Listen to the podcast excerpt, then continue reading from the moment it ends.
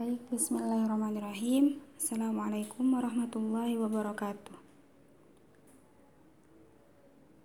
Alhamdulillah, alhamdulillahi rabbil alamin. Wabihi nasta'in ala umurid dunya waddin. Wassalatu wassalamu ala asrafil anbiya'i wal mursalin. Wa ala alihi wa sahbihi ajma'in amma ba'du. Ya segala puji bagi Allah sehingga menjadikan kita bisa melakukan aktivitas hari ini masih bisa untuk menjalani hari-harinya kita. Salat serta salam semoga selalu tercurahkan kepada Nabi Muhammad Sallallahu. Beliaulah sang suri tauladan kita yang semoga syafaatnya kita dapatkan di yaumul kiamah kelak. Amin. Uh, baik, kali ini kita akan membahas mengenai Ibunda Hafsah binti Umar bin Khattab. Kita akan berjumpa dengan Ummul Mukminin uh, Hafsah binti Umar bin Khattab. Semoga Allah meridhoi mereka berdua. Sepuntum bunga yang dianugerahi, di, dianugerahi oleh Allah Subhanahu wa taala dengan sekian banyak keutamaan dan keistimewaan yang sangat sulit dilukiskan oleh uh, tulisan. Bahkan meskipun hanya sekadar menyebutnya dengan sekilas. Beliaulah yang ayahnya adalah seorang Al-Faruq, sang pembeda antara kebenaran dan kebatilan. Sosok besar yang sederhana, sosok sederhana yang kuat, sosok kuat yang penuh adil dan penuh kasih sayang.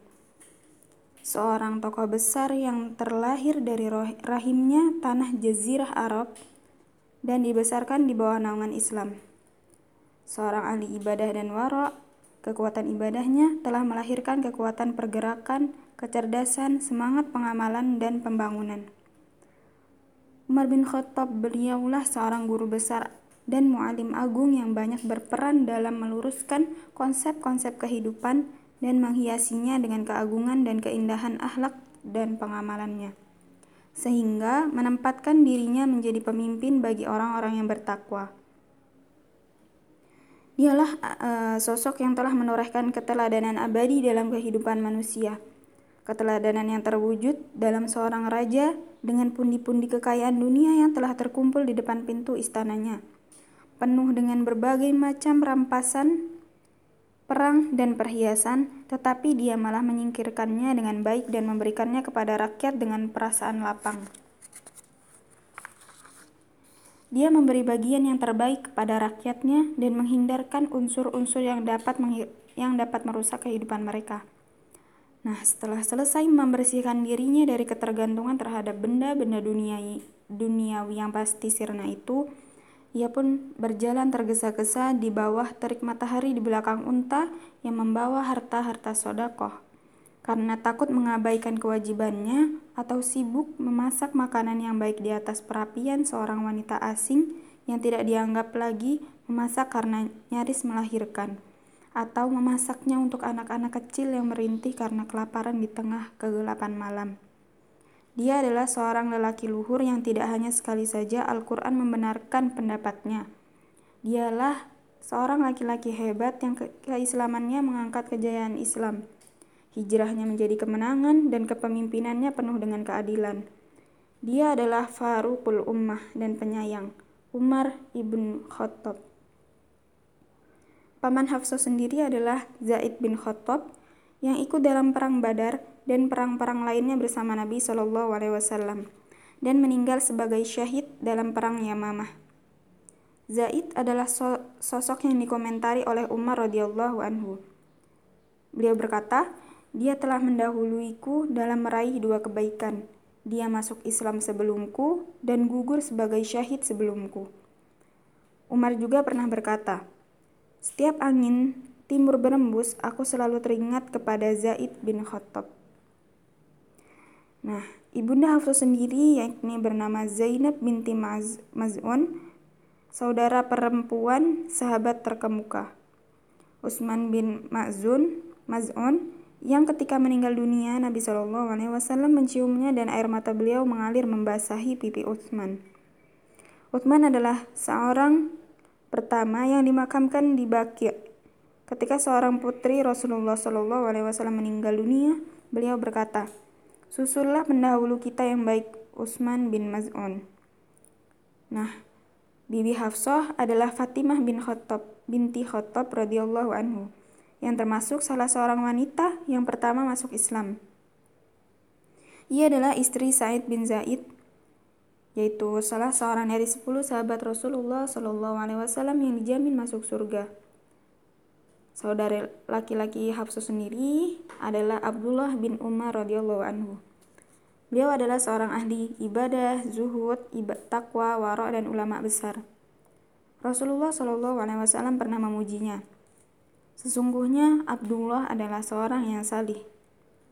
Kemudian tidak ketinggalan juga Ibunda kita Aisyah radhiyallahu anha juga pernah memujinya. Aku tidak pernah menemukan orang yang paling teguh mengikuti ajaran-ajaran Rasulullah Shallallahu Alaihi Wasallam dari dari daripada ibnu Umar. Nah, dengan demikian, uh, adakah orang yang sanggup melukiskan keagungan dan kemuliaan itu dengan pena atau lisannya? Jadi alangkah luar biasa dari nasabnya uh, ibunda Hafsah sendiri ternyata dikelilingi oleh orang-orang yang dekat dengan Rasulullah Shallallahu Alaihi Wasallam dan uh, membantu menegakkan uh, keislaman ketika itu. Berlanjut, berasal dari keluarga yang penuh berkah. Ya benar, Ibunda Hafsah berasal dari uh, keluarga yang penuh berkah. Beliau atau Ibunda Hafsah radhiyallahu anha lahir ketika semua orang Quraisy sibuk merekonstruksi Ka'bah atau lima tahun sebelum Rasulullah Shallallahu Alaihi Wasallam diutus menjadi nabi. Nah, dalam peristiwa itu, Rasulullah Shallallahu Alaihi Wasallam membuat keputusan penting yang dapat meredakan ketegangan antara kabilah-kabilah Quraisy Quraisy berkenaan dengan orang yang layak meletakkan Hajar Aswad ya kita sudah sering mendengar kisahnya ketika pengangkatan e, batu Hajar Aswad ke tempatnya. Nah, sejak kecil Ibunda Hafsah ini sangat tertarik dengan binda dengan bidang keilmuan dan sastra. Sehingga kemudian ia giat belajar membaca dan menulis dari Syifa binti Abdullah Al-Quraisyah Al-Adawiyah. Ia belajar dengan semangat tinggi hingga menjadi salah seorang yang paling fasih di antara wanita-wanita Quraisy. Kita akan berbicara mengenai Islamnya uh, Umar bin Khattab adalah kejayaan Islam. Nah, ketika cahaya Islam terbersit atau membersit di bumi Jazirah Arab, Umar bin Khattab terus bertahan dalam keyakinan syiriknya ketika itu, ketika belum masuk Islam. Tapi Rasulullah Shallallahu Alaihi Wasallam sangat berharap Umar bin Khattab masuk Islam karena kedudukannya dapat menjadi kekuatan baru bagi Islam dalam menghadapi kekejaman kaum musyrik. Bahkan Rasulullah Shallallahu Alaihi Wasallam sendiri pernah berdoa, Ya Allah berikanlah berilah kekuatan kepada Islam melalui salah satu dari dua orang yang lebih engkau cintai, yakni uh, Abu Jahal bin Hisham atau Umar bin Khattab. Nah, ternyata Allah lebih menyukai Umar. Islamnya Umar menjadi salah satu faktor utama yang memberikan kejayaan dan kekuatan kepada Islam. Hal ini disebabkan oleh kekuatan dan keberanian Umar yang dikenal tidak pernah gentar terhadap ancaman apa pun dalam menegakkan agama Allah. Abdullah bin Mas'ud berkata, Sesungguhnya Islamnya Umar merupakan kejayaan bagi Islam. Hijrahnya adalah kemenangan dan kepemimpinannya adalah perwujudan kasih sayang. Kami tidak dapat sholat di depan Ka'bah kecuali setelah Umar bin Khattab masuk Islam. Sesaat setelah Umar menyatakan masuk Islam, ia menentang orang-orang Quraisy sehingga dapat sholat di depan Ka'bah dan kami pun sholat bersamanya. Hadis ini diriwayatkan oleh Ibnu Sa'ad.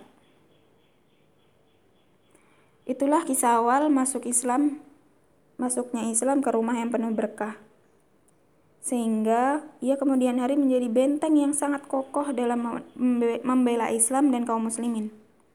Nah, sejak itu keluarga Umar bin Khattab yang penuh berkah hidup di bawah naungan ajaran agama yang agung dan berdampingan dan berdampingan dengan Nabi Shallallahu alaihi wasallam.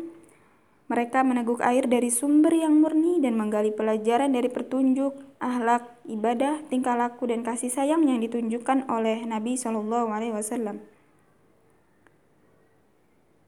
Kisah ketika Ibunda Hafsah menikah dengan Hunais. Seorang laki-laki bernama Hunais.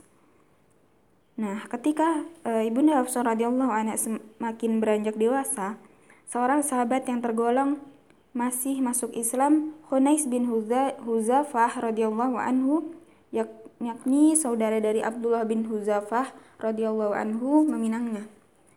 Hafsah pun dipersunting oleh Hunais dan hidup bersamanya dengan penuh rasa bahagia di bawah naungan iman dan ketaatan kepada Allah dan Rasulnya. Hunais masuk Islam sebelum Rasulullah SAW menjadi rumah Al-Arqam bin Abu Al-Arqam sebagai basis perkembangan Islam. Nah, uh, Hunais ini masuk Islam melalui Abu Bakar As-Siddiq radhiyallahu anhu. Nah, uh, ketika bersama dengan Hunais, uh, Hafsah diajak untuk hijrah ke Madinah setelah mendapat izin dari Rasulullah SAW sebagai uh, seorang pemimpin ya pemimpin ketika itu yaitu Rasulullah SAW. Nah di tempat baru ini mereka hidup bahagia berdampingan dengan kaum Ansor. Kebahagiaan mereka bertambah ketika Rasulullah SAW juga tiba di Madinah karena kedatangan Rasulullah itu akan senantiasa, senantiasa membawa cahaya di seluruh penjuru kota. Nah, perpisahan yang menyayat hati, ya. Uh, akhirnya tibalah ketika kisah terjadi perang Badar yang menjadi ajang pembuktian kejayaan dan kemuliaan bagi kaum muslimin. Hunais, uh, suami dari Hafsah radhiyallahu anha, termasuk salah seorang pahlawan. Ia berperang dengan sangat gigih karena mengharapkan gugur sebagai syahid di jalan Allah dengan sepenuh hatinya. Dalam perang tersebut, tubuh Hunais penuh dengan luka, tapi ia terus berperang untuk menegakkan kalimat Allah dan meruntuhkan kekuatan orang-orang kafir. Setelah perang usai, Hunais kembali ke Madinah dengan membawa luka yang cukup parah. Akhirnya, sahabat terkemuka yang mengorbankan dirinya di jalan Allah ini menghembuskan nafas terakhir dan meraih kemuliaan yang sangat tinggi. Karena Rasulullah SAW sendiri yang menguburnya e, jasadnya ini dibaki berdampingan dengan e, kuburan Utsman bin Maz'un radhiyallahu anhu. Ya, Utsman bin Maz'un ini merupakan e, saudara atau uh, saudara perempuan dari ibundanya tadi. Nah, bagi Hafsah, ibunda Hafsah kita, inilah perpisahan yang sangat menyayat hati. Ia menjadi janda dalam usianya yang relatif muda dan hatinya sangat sedih dengan kepergian suaminya. Tapi, di sisi lain, ia juga merasa sangat bahagia. Kenapa? Karena suaminya meninggal dunia dengan cara yang sangat mulia. Luka-luka yang menganga di tubuhnya akan menjadi saksi di hadapan Allah Azza wa Jal ketika dia berjuang di jalannya, berjuang fi sabilillah. Menjadi umul mukminin. Nah, ketika uh, Ibunda Hafsah kehilangan atau ditinggal oleh uh, suaminya Hunais ini karena wafat di jalan Allah, kemudian Umar bin Khattab merasa sangat sedih dengan nasib putrinya yang masih muda. Beliau masih muda tapi mas sudah menjadi janda. Akhirnya, uh, usianya yang saat itu menginjak 18 tahun, hati Umar terasa sakit ketika uh, mengingatnya. Nah, dari uh, Umar bin Khattab ini merasa sesak ketika beliau ke rumah dan melihat putrinya selalu dirundung pilu. Nah, akhirnya Umar bin Khattab ini tanpa berpikir panjang, kemudian uh, mencarikan seorang suami yang dapat mendampingnya sekaligus telah akrab dengannya. Nah, uh, untuk langkah pertama, beliau menawarkan putrinya kepada Abu Bakar As-Siddiq. Tapi Abu Bakar tidak merespon sedikit pun. Kemudian Umar pergi menawarkannya kepada Utsman menuju Utsman bin Khattab, eh, Utsman bin Affan. Tapi jawaban Usman tidak kalah mengenaskan, ya. Tampaknya aku tidak berhasrat menikah pada saat ini, begitu kata Usman bin Affan. Karena sikap kedua sahabatnya itu, Umar bin Khattab sakit hati kepada mereka. Maka ia sampaikan hal itu kepada Rasulullah Shallallahu Alaihi Wasallam dan berkata sambil menghibur. Beliau berkata, Hafsah akan menikah dengan orang yang lebih baik. Rasulullah menjawab ya. Rasulullah menjawab, e, Hafsah akan menikah dengan orang yang lebih baik dari Utsman. Sedangkan Utsman akan menikah dengan wanita yang lebih baik dari Hafsah. Nah, tidak lama kemudian Rasulullah Shallallahu Alaihi Wasallam meminang Hafsah, sehingga Umar pun menikahkannya dengan sukacita yang tiada tara. Sementara Rasulullah Shallallahu Alaihi Wasallam menikahkan Utsman dengan putrinya Ummu Kulsum setelah Ruqayyah meninggal dunia. Nah, setelah pernikahan Hafsah selesai, Abu Bakar menemui Umar dan menyatakan minta maaf ya karena ketika Umar menawarkan putrinya, eh, Abu Bakar eh, tidak merespon diam dengan diamnya. Nah, kemudian Abu Bakar berkata, Jangan sakit hati kepadaku. Sesungguhnya aku pernah mendengar Rasulullah Shallallahu Alaihi Wasallam menyatakan maksudnya menikahi uh, Hafsah. Aku tidak ingin membuka rahasia beliau. Seandainya beliau tidak menyatakan maksudnya, maka aku pasti bersedia menikahinya. Begitu uh, Abu Bakar berkata. Nah, Rasulullah Shallallahu Alaihi Wasallam menikah dengan Hafsah pada tahun ketiga Hijriah. Tepatnya ketika itu, yakni pada perang Uhud Nah, dalam pernikahannya ini, beliau memberi mahar sebesar 400 dirham. Nah, peristiwa ini merupakan kemuliaan, anugerah, dan kebaikan yang paling berharga bagi Hafsah dan ayahnya. Semoga Allah meredai mereka semua. Kemuliaan Ibunda Hafsah Ibunda Hafsah radhiyallahu anha memiliki kedudukan yang sangat tinggi di hati Nabi Shallallahu alaihi wasallam. Bahkan termasuk salah seorang istri-istri beliau yang istimewa di antara istri-istri beliau yang lainnya. Intinya, uh, istri-istri beliau adalah orang-orang yang istimewa. Bahkan Aisyah radhiyallahu anha pernah mengakui hal ini. Ia berkata, Hafsah adalah termasuk salah seorang istri Nabi Shallallahu Alaihi Wasallam yang nyaris setara denganku. Begitu ber, kata uh, Aisyah radhiyallahu anha. Namun demikian, uh, beliau sangat bersungguh-sungguh untuk membawa istri-istri beliau untuk terus menerapkan pendidikan yang bersumber ajaran-ajaran Allah, baik terhadap istrinya maupun para sahabat dan segenap umatnya. Beliau sangat bersungguh-sungguh untuk selalu membawa mereka kepada kebenaran.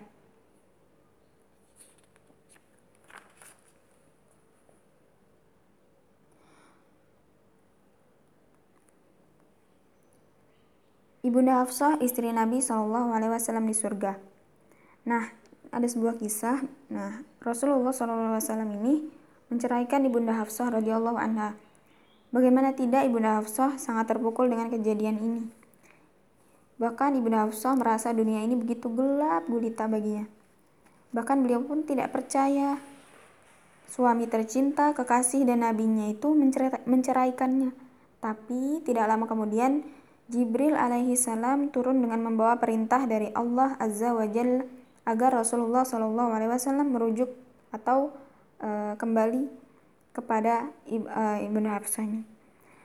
Kenapa kembali? Nah, dalam sebuah hadis dinyatakan bahwa Nabi Shallallahu e, Nabi Shallallahu alaihi wasallam menceraikan ibnu Hafsah dan menjatuhkan talak satu kepadanya.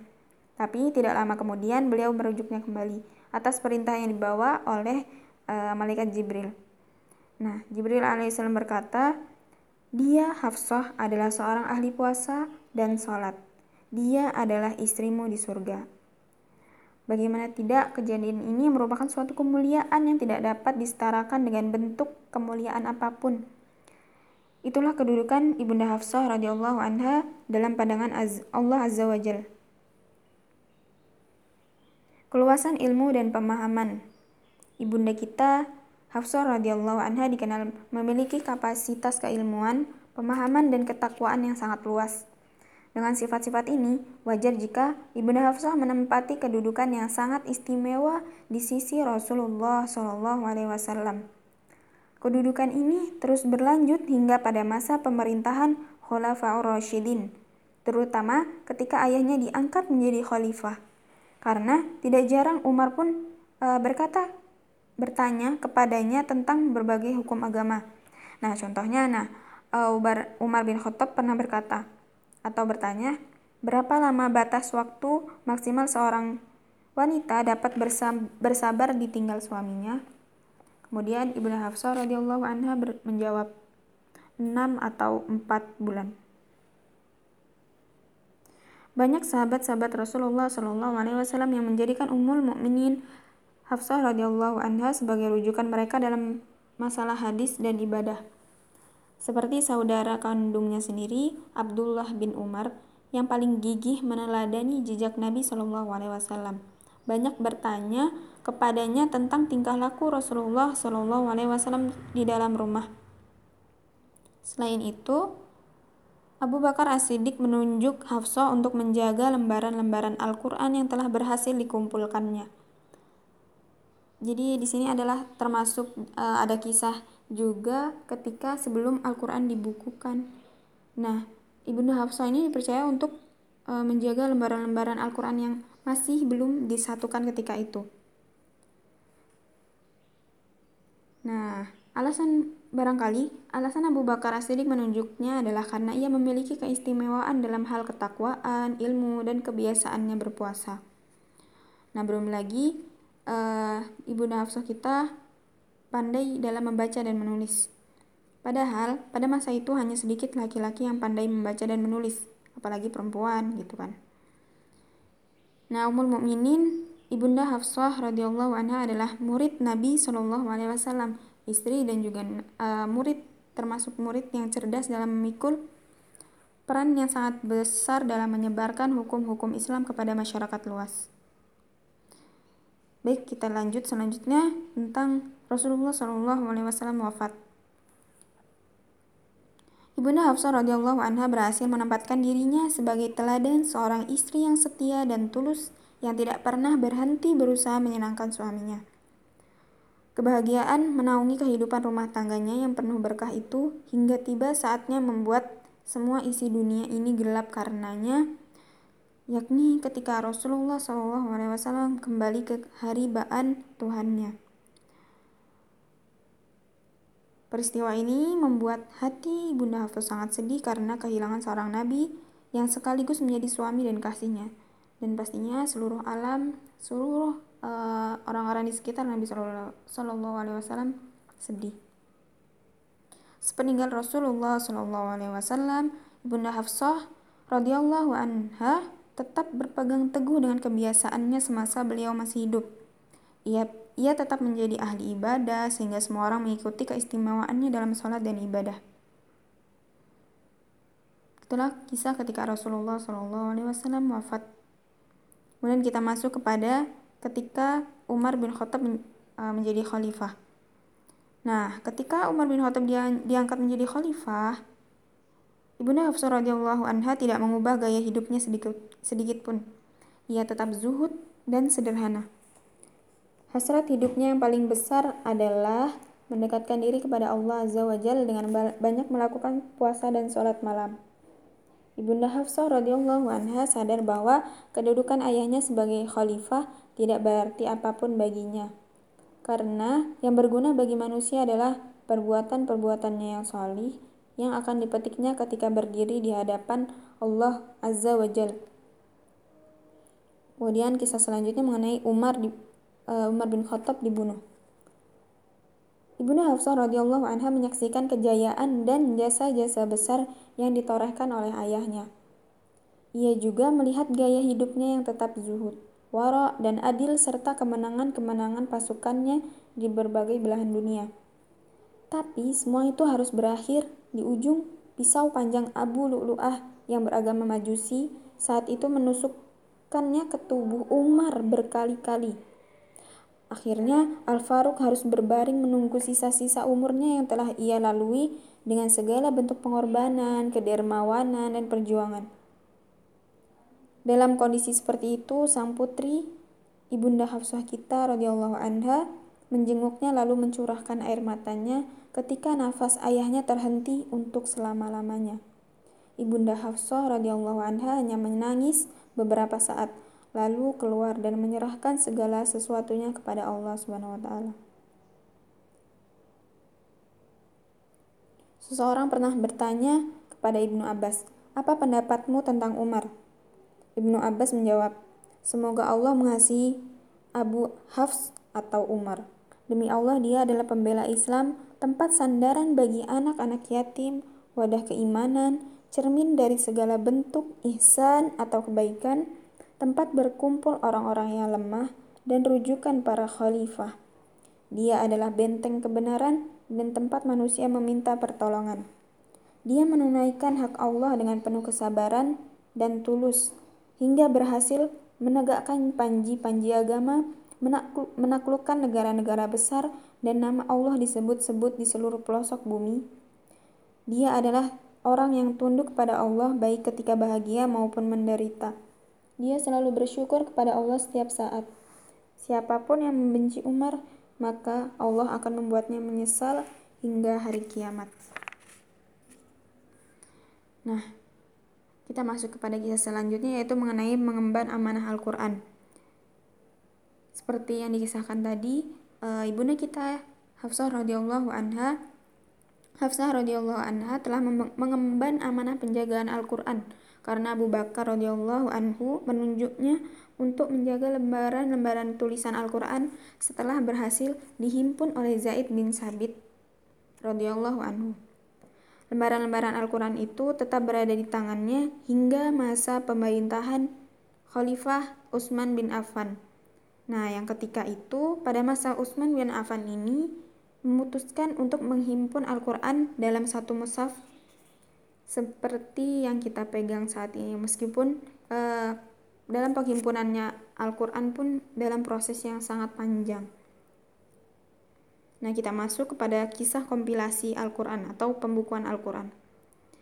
Setelah diangkat menjadi khalifah, Abu Bakar radhiyallahu anhu menunjuk Khalid bin Walid radhiyallahu anhu untuk memimpin sebuah pasukan yang berdiri dari sekian banyak sahabat untuk menggempur Musailamah al-Kazzab. Yang kita tahu bahwa Musailamah al-Kazzab adalah salah seorang yang e, mengaku sebagai nabi. Padahal kan sudah kita ketahui bahwa e, nabi penutup adalah Rasulullah SAW sedangkan nabi palsu ini yaitu Musailamah al-Kazzab e, namanya mungkin Musailamah. Kemudian ditambahkan Al-Kazab karena Kazab artinya dusta jadi Musailamah pendusta seperti itu nah pasukan ini menyerbu dengan gigih pasukan yang dipimpin oleh Khalid bin Walid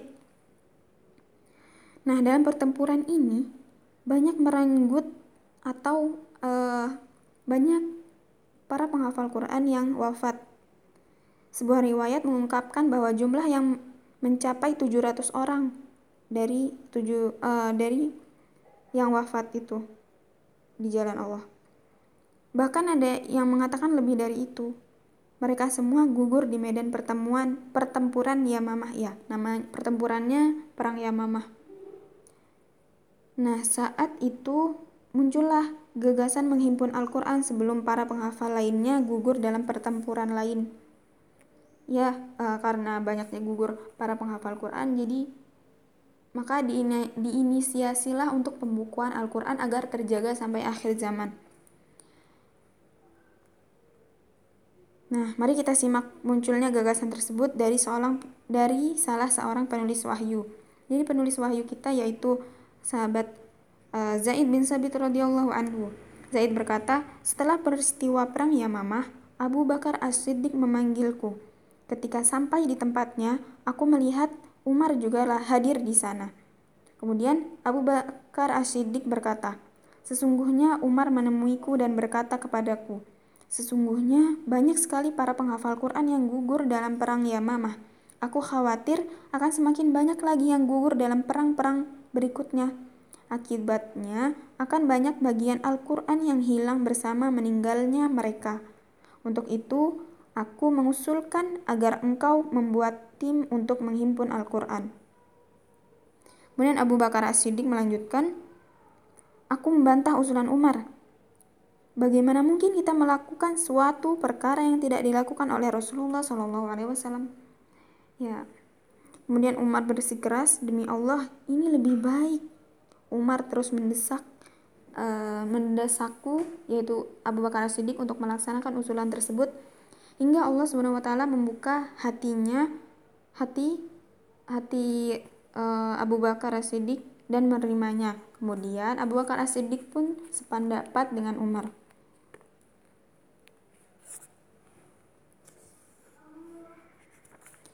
Nah, kemudian eh, lembaran-lembaran catatan yang berhasil dikumpulkan itu disimpan oleh Abu Bakar hingga wafat, lalu berada di tangan Umar hingga wafat, lalu disimpan oleh Ibunda Hafsah binti Umar radhiyallahu anha. Ketika Utsman menjadi khalifah, ia meminta kepada Ibunda Hafsah agar memberikan lembaran-lembaran Al-Quran itu untuk dihimpun dalam satu mushaf. Maka Utsman mengutus seseorang kepada Ibunda Hafsah dengan pesan, kirimkan lembaran-lembaran Al-Quran yang ada padamu untuk kami salin, untuk kami salin dan dalam mushaf, lalu kami akan mengembalikannya lagi kepadamu. Kemudian Ibunda Hafsah radhiyallahu anha pun mengirimkan lembaran-lembaran Al-Quran yang diminta Utsman. Lalu Utsman menugaskan Zaid bin Sabit, Abdullah bin Zubair, Sa'id bin Al-As, dan Abdurrahman bin Haris bin Hisham untuk menyalinnya dalam mushaf. Utsman berkata kepada tiga orang anggota tim tersebut yang berasal dari suku Quraisy, "Jika kalian berselisih dengan Zaid tentang bacaan Al-Qur'an, maka salinlah sesuai dengan bacaan Quraisy dengan Al-Qur'an diturunkan dengan lisan atau dialek Quraisy." Mereka pun mengerjakan sesuai dengan perintah Utsman bin Affan tersebut. Setelah selesai menyalin lembaran-lembaran Al-Quran tersebut dalam beberapa mushaf, Utsman mengembalikannya kepada Ibunda Hafsah dan mengirimkan satu mushaf kepada setiap negeri yang telah mereka salin. Kemudian ia menyuruh seluruh catatan Al-Quran yang lainnya, baik yang tertulis dalam lembaran-lembaran maupun mushaf, agar dibakar. Saatnya berpisah.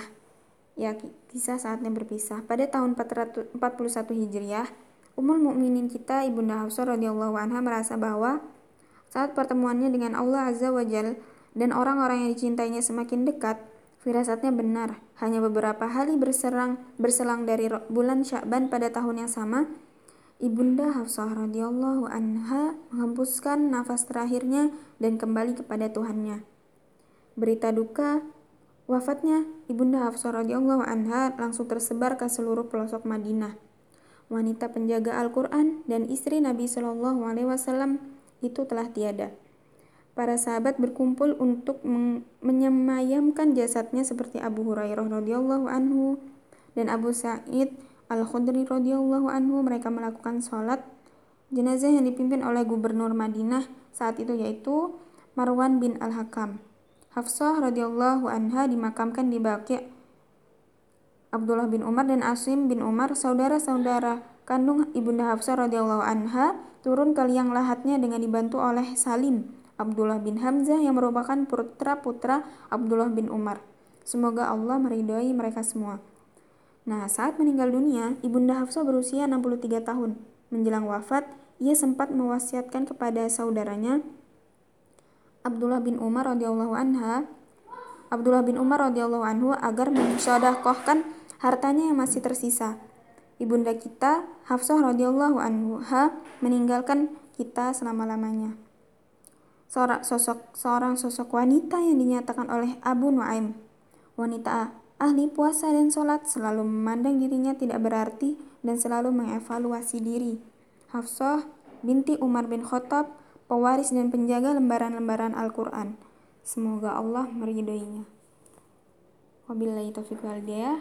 Assalamualaikum warahmatullahi wabarakatuh.